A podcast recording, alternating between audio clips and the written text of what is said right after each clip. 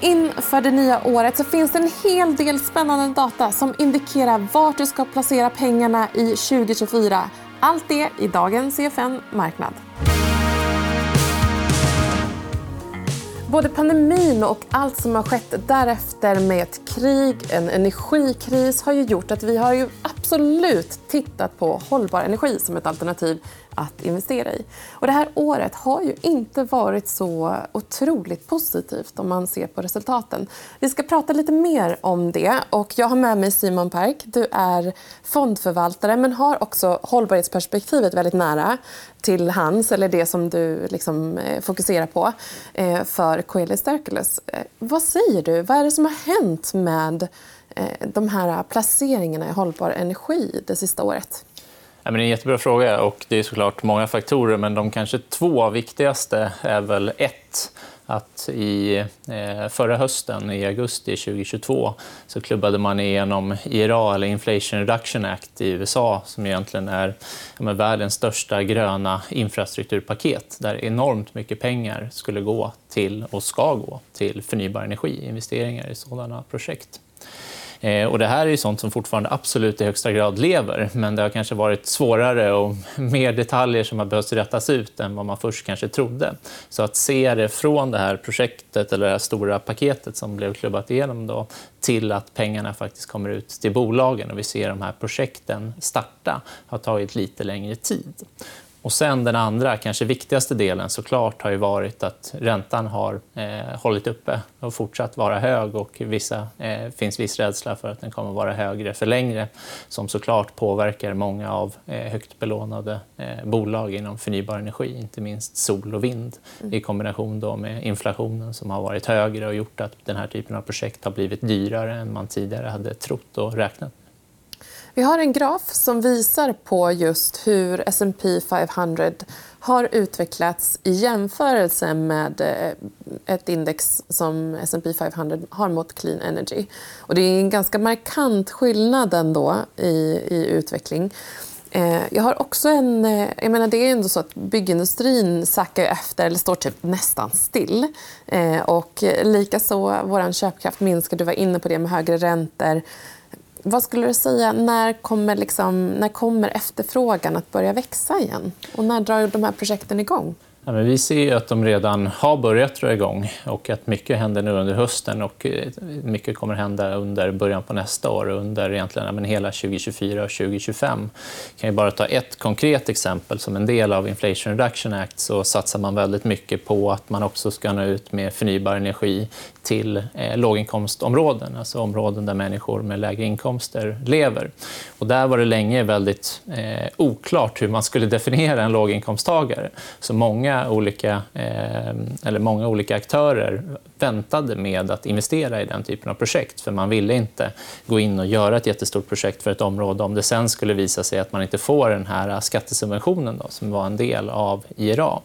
Men det, som ett exempel, då, blev klart och man började kunna söka eh, pengar för den typen av projekt här i mitten på oktober i år. Så att nu har vi sett en eh, uppsving i den typen av projekt ta fart. Då. Mm. Så det är ett exempel och sådana ser vi egentligen eh, rullandes nu eh, under 2023 och 2024 där det börjar bli mer och mer klart. Man börjar kunna söka de här skattesubventionerna och då kommer de stora investeringsbesluten. Mm. En annan eh, liksom, eh, dörr som har öppnats efter att ha varit stängd i många år det är ju kärnkraft. Och där funderar jag också på hur, hur stor liksom, andel av energi som kommer att komma från den typen av eh, eh, energiframställning framåt. Vad, vad tänker du? Jag tror den stora skillnaden där från kanske ett eller två år sedan eh, är inte att eh, i alla fall vi ser att det kommer vara eh, en explosion i kärnkraft framåt i termer av hur mycket det producerar. Men däremot så pratade man ju länge om att det kanske skulle fasas ut och försvinna helt. Och Det tror jag definitivt inte kommer hända utan det kommer fortsätta ligga på en stadig nivå som det gör idag. För vi behöver det som komplement. Men vi ser fortfarande att den stora tillväxten kommer finnas finnas i sol och vind och då kanske framför allt inom solenergi. Mm.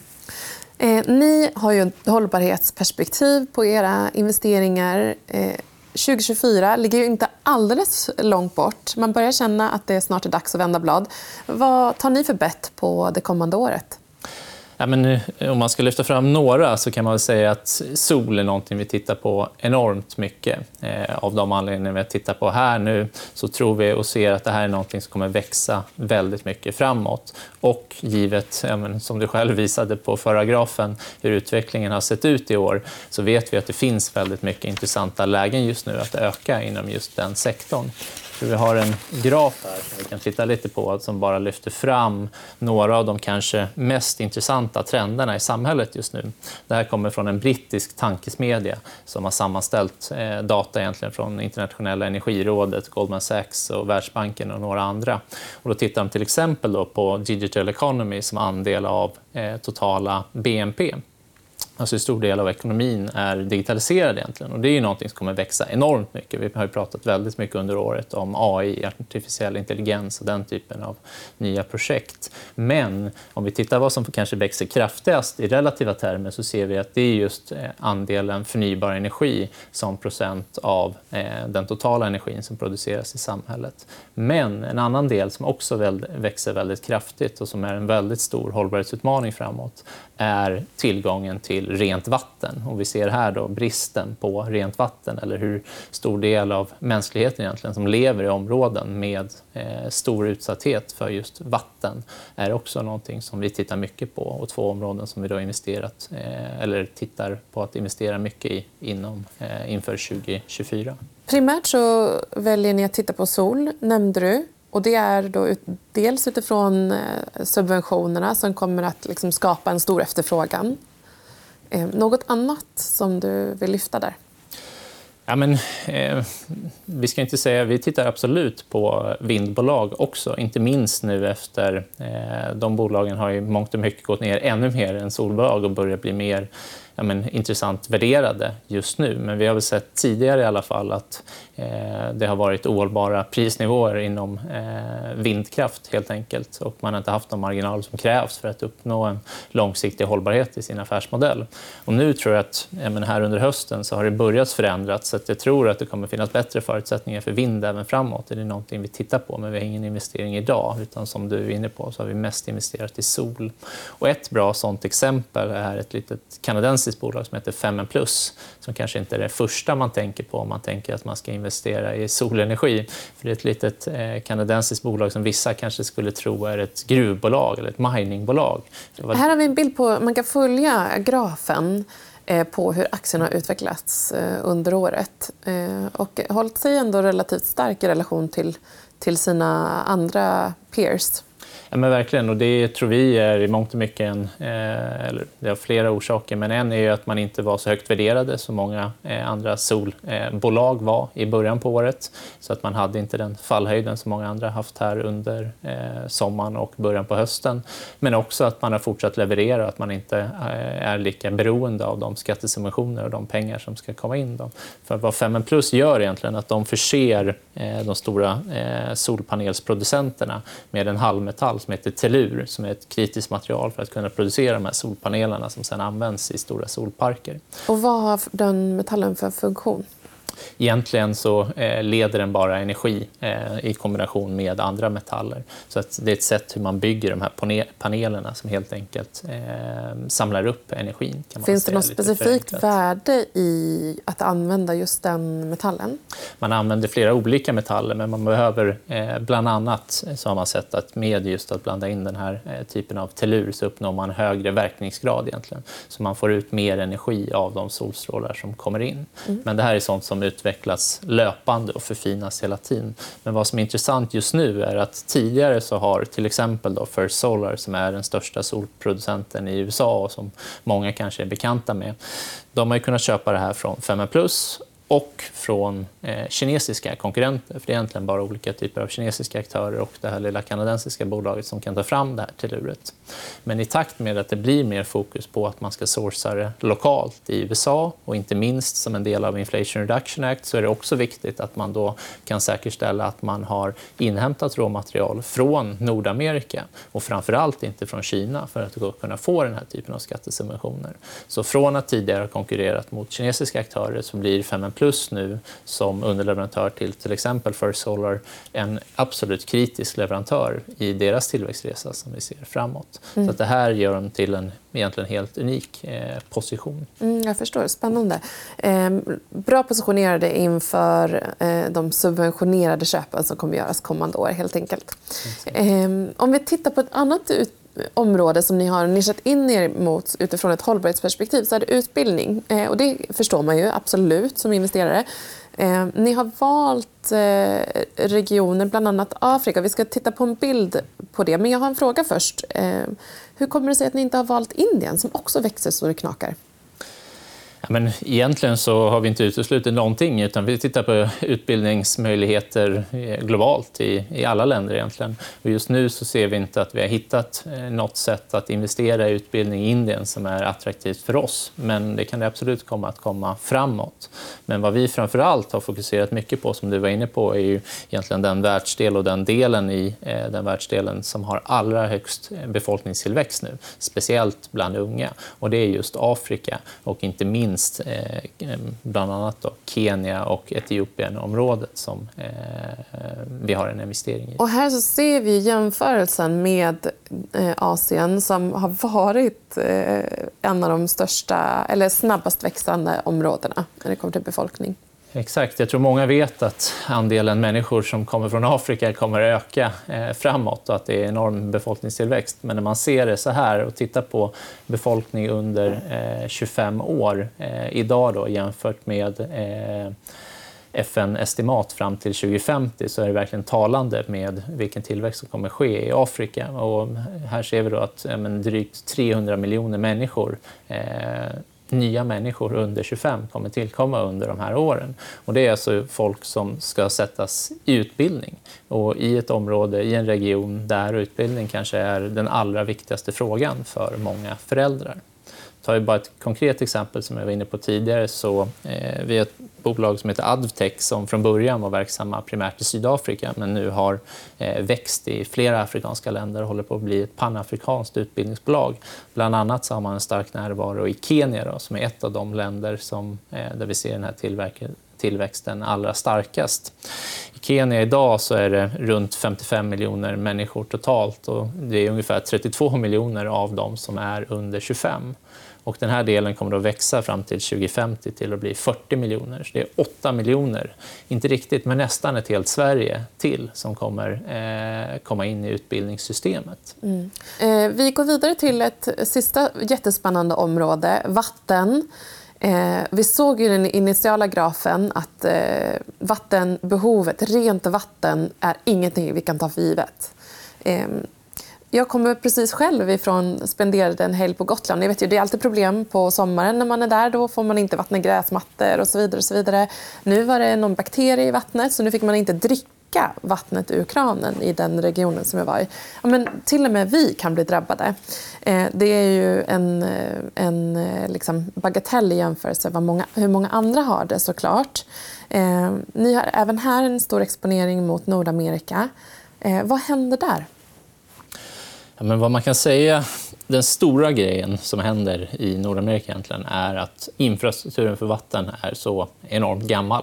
I snitt så ligger det runt 68 år eh, och det är eh, av många anledningar alldeles för gammalt och behöver förnyas. Det är allt från att man har gamla blyrör som gör att man får föroreningar i vattnet, i dricksvatten till exempel, som inte alls är bra, till att eh, man har stora läckage som gör att mycket av det vattnet som vi ska konsumera försvinner redan innan det når oss.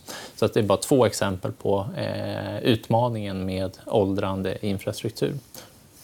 Ni har tittat på lite olika trender och jag har snappat upp några. Eh, avsalta havsvatten. Eh, tekniken, jag vet att det runt i Mellanöstern så jobbar de väldigt mycket med det. Där har man legat långt framme just för att man har haft ett så stort behov egentligen av att det finns så lite vatten, det finns mycket havsvatten, stor befolkning som behöver eh, mycket pengar att investera i den här typen av projekt. Eh, för det är egentligen den stora utmaningen med eh, att avsalta havsvatten. Det kostar enorma mängder energi och eh, således också pengar, så att det är dyrt att göra det. Att... Var finns det mest potential då? Om vi tittar på till exempel eh, avsaltning, vi har en investering i vatteninfrastrukturen, eh, återvinning. av vatten.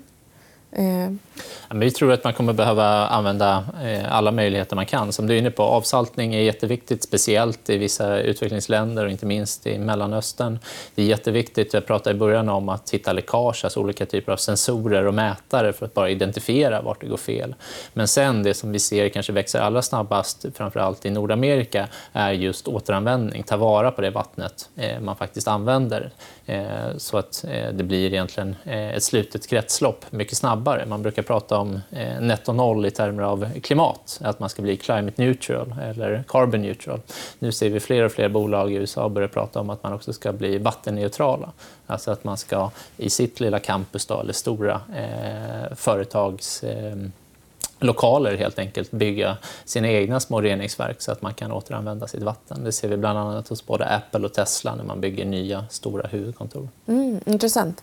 Eh, vi har en graf på en, ett bolag som ni har eh, i, haft i portföljen. Eh, H20 Innovation. H2 Innovation. Nej, såklart.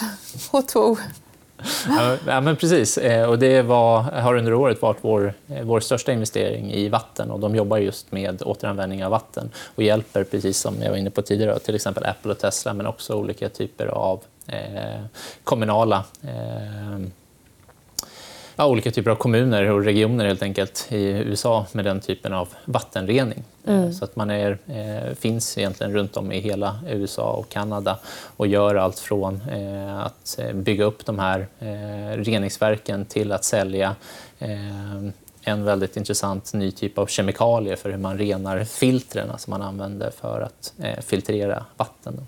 Vad hände i september-oktober? Det är också intressant, apropå vad vi pratade om i början eh, i relation till hur det har gått för bolag inom förnybar energi det här året. Inom vatten så såg vi i juli, augusti, september väldigt mycket samma utveckling som vi såg inom förnybar energi. Att högre räntor, viss oro från när det faktiskt kommer den här typen av infrastrukturpengar in i de här projekten. För att det ska man ha med sig. Det är inte bara Inflation Reduction Act inom förnybar energi utan vi har också någonting som heter IIJA eller Infrastructure Investment and Jobs Act som investerar enorma summor pengar i vatteninfrastruktur i USA, givet vad vi pratade om tidigare. Och lite oro kring allt det här gjorde att många bolag gick ner väldigt kraftigt då, eh, i slutet på sommaren och början på hösten. Och ett av bolagen som gick ner allra mest, som vi ser här på bilden, då, var ju H2 Innovation som hade gått väldigt bra fram till i juli. Men sen för oss då, faktiskt var fondens sämsta bidragsgivare under de första månaderna på andra halvåret i år. Men då var det en eh, private equity-aktör som tyckte att det här bolaget har blivit alldeles för billigt. Helt omotiverat billigt och gick in och la ett bud kan fick... man se en konsolidering på liknande sätt av fler aktörer, tror du? Definitivt. och Det har vi hört från många av våra vatteninvesteringar och också många av våra kandidater som vi inte har investerat in idag men som vi följer väldigt noga. Att de får mer och mer eh, förfrågningar från andra aktörer om en konsolidering givet inte minst de värderingsnivåer vi ser, ser här idag. Mm. Så det var också det som hände i H2 Innovation när vi fick det uppköpet. Mm. Eh, det är ändå 55 miljarder dollar som ska investeras. Men det är ju också så att förändring kommer alltid med valen eh, i USA. Kan det vara så att, eh, att en del av de investeringarna faller mellan stolarna vid ett nytt, vid ett nytt val, ny president? Vi är inte så oroliga för det. De här 55 miljarder dollar som du är inne på är det från det här IIA, eller infrastrukturpaketet som kom eh, 2021, redan innan Inflation Reduction Act. Och det handlar ju väldigt mycket om att uppdatera, som vi varit inne på, infrastrukturen i USA. Och det ser vi har väldigt starkt stöd även hos republikaner. Och det handlar också väldigt mycket om att eh, fortsätta producera i USA. Två viktiga frågor även för eh, republikaner helt enkelt. Så att vi ser ett eh, fortsatt starkt stöd för det även om det skulle gå den vägen. Mm. Med de orden avrundar vi dagens program. Ni är tillbaka hoppas jag om ett par dagar då vi släpper nästa EFN Marknad via den här kanalen. Så missa inte det. Ta hand om er. Du har lyssnat på EFN Marknad, en podd som produceras av EFN Ekonomikanalen. Du hittar programmet även i videoformat på Youtube och på efn.se. Kom ihåg att prenumerera på podden och följ oss gärna på Instagram för fler aktietips. Där heter vi EFN Aktiekoll. Ansvarig utgivare är Anna Fagerström.